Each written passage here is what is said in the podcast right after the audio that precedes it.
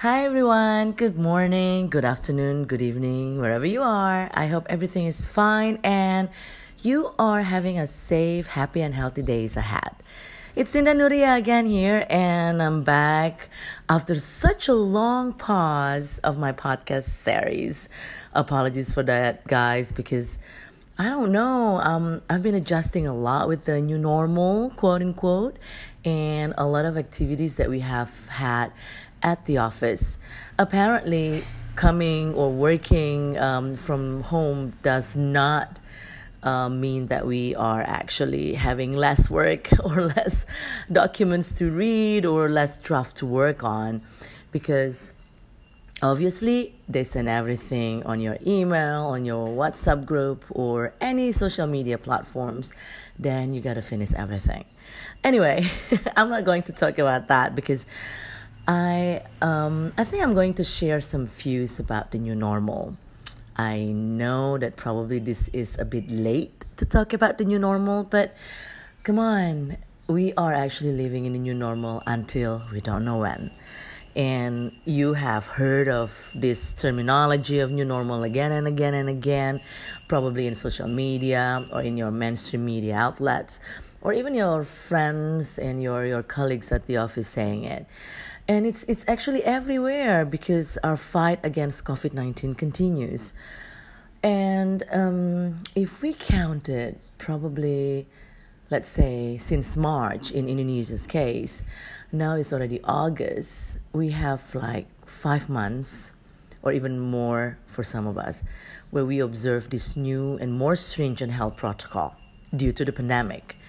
And I have to say, I spend so much time staying at home, probably most of the time, working, studying, and do stuff from home, avoiding the crowd, cutting off all the travelings um, for certain times. And one obvious thing that we do is washing our hands frequently. So, those are some of the things that we need to do lately. Not because we like to do it, but it's more like because it's sort of a uh, new obligation that we have. Because such simple activities and habits will definitely help us fight the pandemics. And I have to say again that the impact of the spread of COVID 19 is phenomenal. Although, you know, we have some positive developments here and there and then changes sort of a policies that took place since the pandemic, particularly to the environment, for example. But still, the managing impacts that need to be addressed properly in order to avoid more disastrous problems in the future are there. So, at this point, I keep thinking what we can actually do, or what we have to actually do in order to adopt with the new normal. What do we need to prepare? So many have realized that we need to continue our lives. Obviously, that's important. And therefore, we try to adjust with the current situation. As you can see, with all the um, experience, I'm about to say adventures, but I think experience is much more um, relevant and more appropriate. Countries have announced that they open up gradually after implementing quarantine policies for almost three months. No, almost five months. So, as fast response and healthy facilities have been significantly improved, and you have this new normal.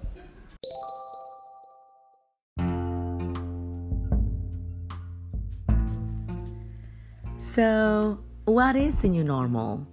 Welcome back again, and it's me, Indah Nuria, sharing some stuff and views and some of my thoughts about what we are facing on daily basis. So I just talk about the new normal and how we are all um, obliged to make some adjustments in our life. Again, like it or not, easy or not easy, we all have to do it. So, um, what do we need to do in order to prepare the new normal? So that's the very question I have when it comes to this uh, new era of living in the middle of the pandemic. For me, one thing for sure, we all need to educate ourselves.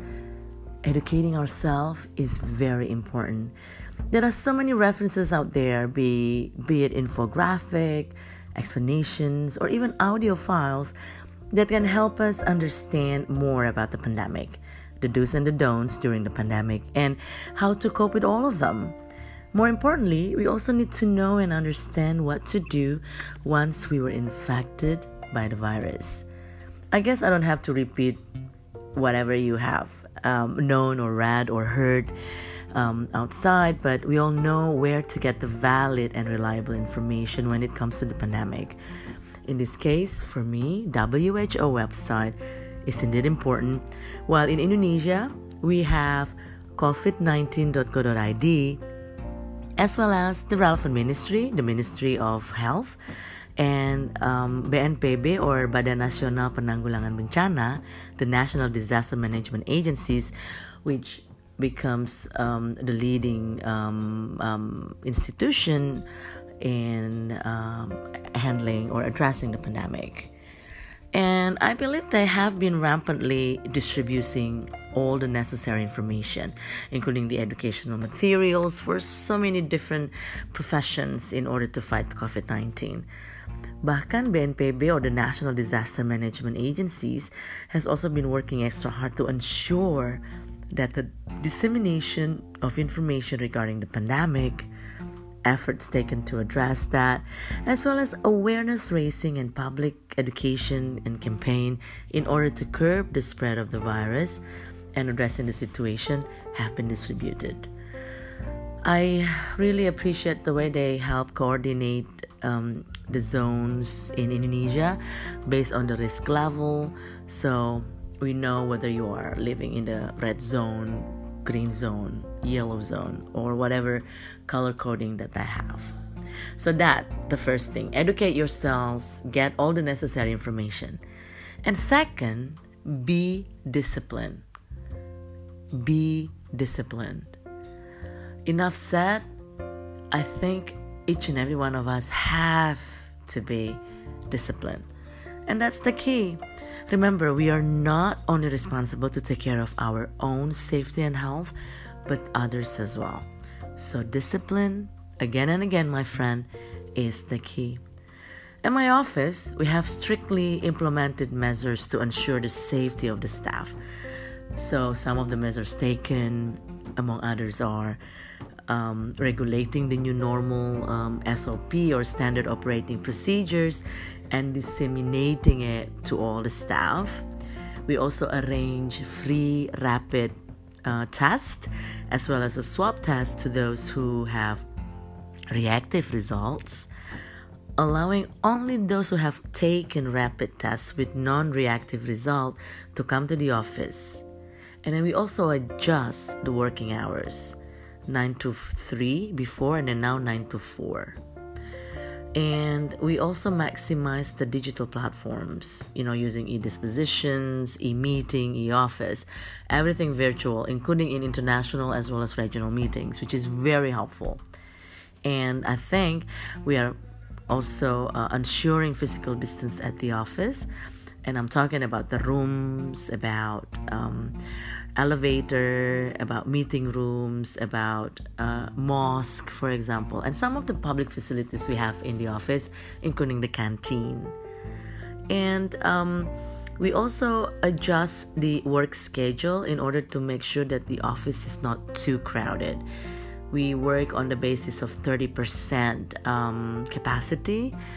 We were actually had 50% before, but then because of that, uh, quote unquote second wave of the uh, infection, then we become more cautious and having less people coming to the office. Another thing that we do at the office is providing all the necessary equipment as well as facilities in order to required to fully observe the health protocol. You know, like additional hand washing uh, corners, extra hand sanitizers here and there, absolutely um, we have more masks being distributed, disinfectants being uh, used to clean uh, facilities at the office, and again, the SOP.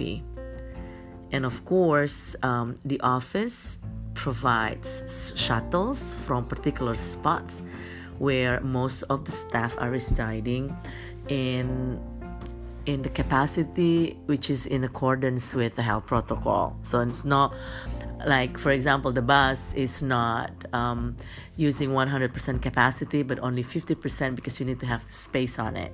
And the reason why the office is providing this is because um, that will help uh, the staff coming to the office without taking public transport, which is more risky, which is riskier when it comes to um, pandemic. And we also minimize the contact with deliveries, public deliveries. There are only a few designated spots where the um, officials will take necessary measures like using disinfectants and um, um, using gloves and stuff when they receive the delivery and some other simple things um, good habits that we do in order to ensure that the new normal is fully observed in line with um, health protocol sounds a lot right guys but you know when you're doing it it's just like getting used to the habits that we have had since we were kids. Do you remember how many times your mom or your dad or your parents or, or the adults ask you to wash your hands? Especially when you have just done um, other things like playing outside or touching things or going some somewhere. So this is more like um, reminiscing those good habits and ingrain them in our day-to-day basis. Not that easy because we keep forgetting it, but once you get a hold on it, I think it won't you know, it won't go and it will be part of your life. And that's what I am intending to do. anyway, um, at the office, and I think in many parts of Indonesia, I have seen um, sort of like a booth with disinfectant um, liquid from particular brands I think the reason why they have it because it will help clean the service. I mean, like our bags or our clothes and stuff. And um, again, it. I don't know whether this is efficient, but at least it might help. Um, lifts are frequently clean now, and space distancing uh, marks are clearly displayed as well in my office, which is very helpful because otherwise it's gonna be crowded all the time. And it is important because, as I said, we need we, we use that lift uh, frequently, and then people tend to to just get into the lift without looking at the space in between. Well, I guess that teaches us to be patient and wait until it, it has enough room for the designated numbers of people. Another great things that I have is um, those flats, you know, like in the public facilities. Um, we have more and more um, um posters telling you what to do uh, when it comes to COVID 19, you know, like some basic um, activities, some basic things that will help us observe the strict health protocol what we need to do or how we can actually properly cough in the public uh, area or how to actually um, wash your hands properly. Again, as I said, that might look simple, but we tend to forget, and those posters help us a lot. Okay, so that those are two um, things that, to my understanding, we all need to do in order to um, live safer and better in this new normal era. Educate yourself, um, be disciplined, and the next is get ourselves used to those new normal. Sometimes the toughest part of adjusting the new changes is the start, the very beginning of it. And the beginning of this new process and the changes will require some extra efforts from all of us. But instead of taking things for granted, like, ah, udah deh gampang, gak usah, gak usah pakai masker, no need to wear the mask. I just go out for five minutes, I don't have to take a bath or change my clothes, for example. That is very dangerous, guys. I think we better get ourselves used to the new normal. And again, as I said, we just need to start it. And after that, you'll get used to it. Memang sih masa-masa penyesuaian itu selalu sulit, gak ada yang gampang. Bahkan mengubah kebiasaan sederhana pun atau membiasakan diri untuk melakukan kebiasaan baik itu ternyata bisa menjadi PR besar. Kita kerap lupa, apa, lalai atau bahkan you know uh, menyepelekan hal-hal penting itu gitu loh. But again please never underestimate those simple things. Jangan pernah menyepelekan virus ini, jangan pernah menyepelekan hal-hal kecil yang bisa membantu kita untuk tetap sehat. Bukan apa-apa, kita tuh kan sering kali uh, merasa sehat, fit, gak punya gejala dan baik-baik aja kan. Sehingga kita suka ngeyel atau ah it's okay, kayaknya sih aku oke-oke aja nih, safe nih, gak perlu deh ngikutin semua protokol yang merepotkan itu. Then bang, ternyata we got uh, terpapar gitu dan you have to work with the virus dan bukan tidak mungkin bisa menularkan banyak orang juga. So please please please kita ikutin aja ya. All those simple yet saving lives um, protocol as well as new habits supaya kita semua tuh bisa selamat gitu. Daripada ngomong-ngomong gak jelas karena kesel atau depresi or sebel karena nggak bisa ini itu lebih baik kita ikuti peraturan yang ada dengan niat baik agar semuanya bisa kembali normal dan kita pun bisa menjalani hidup yang lebih baik dan sehat. okay, maybe finally, as a closing, I think we all need to stay positive. Keep the positivity inside, keep the vibe, and always try to do our best in order to have a safe, happy, and healthy days. Jadi kita memang harus selalu tetap menjaga mood dan positive thinking because it helps us a lot. We all need to remain positive during these trying times. And again, not that easy at all, but we have to know that um, the pandemic has significantly changed our lives Many times we hit the ceilings and feel so sad and depressed because of the situation. And again, I can't blame you for feeling that because I do feel the same way too sometimes.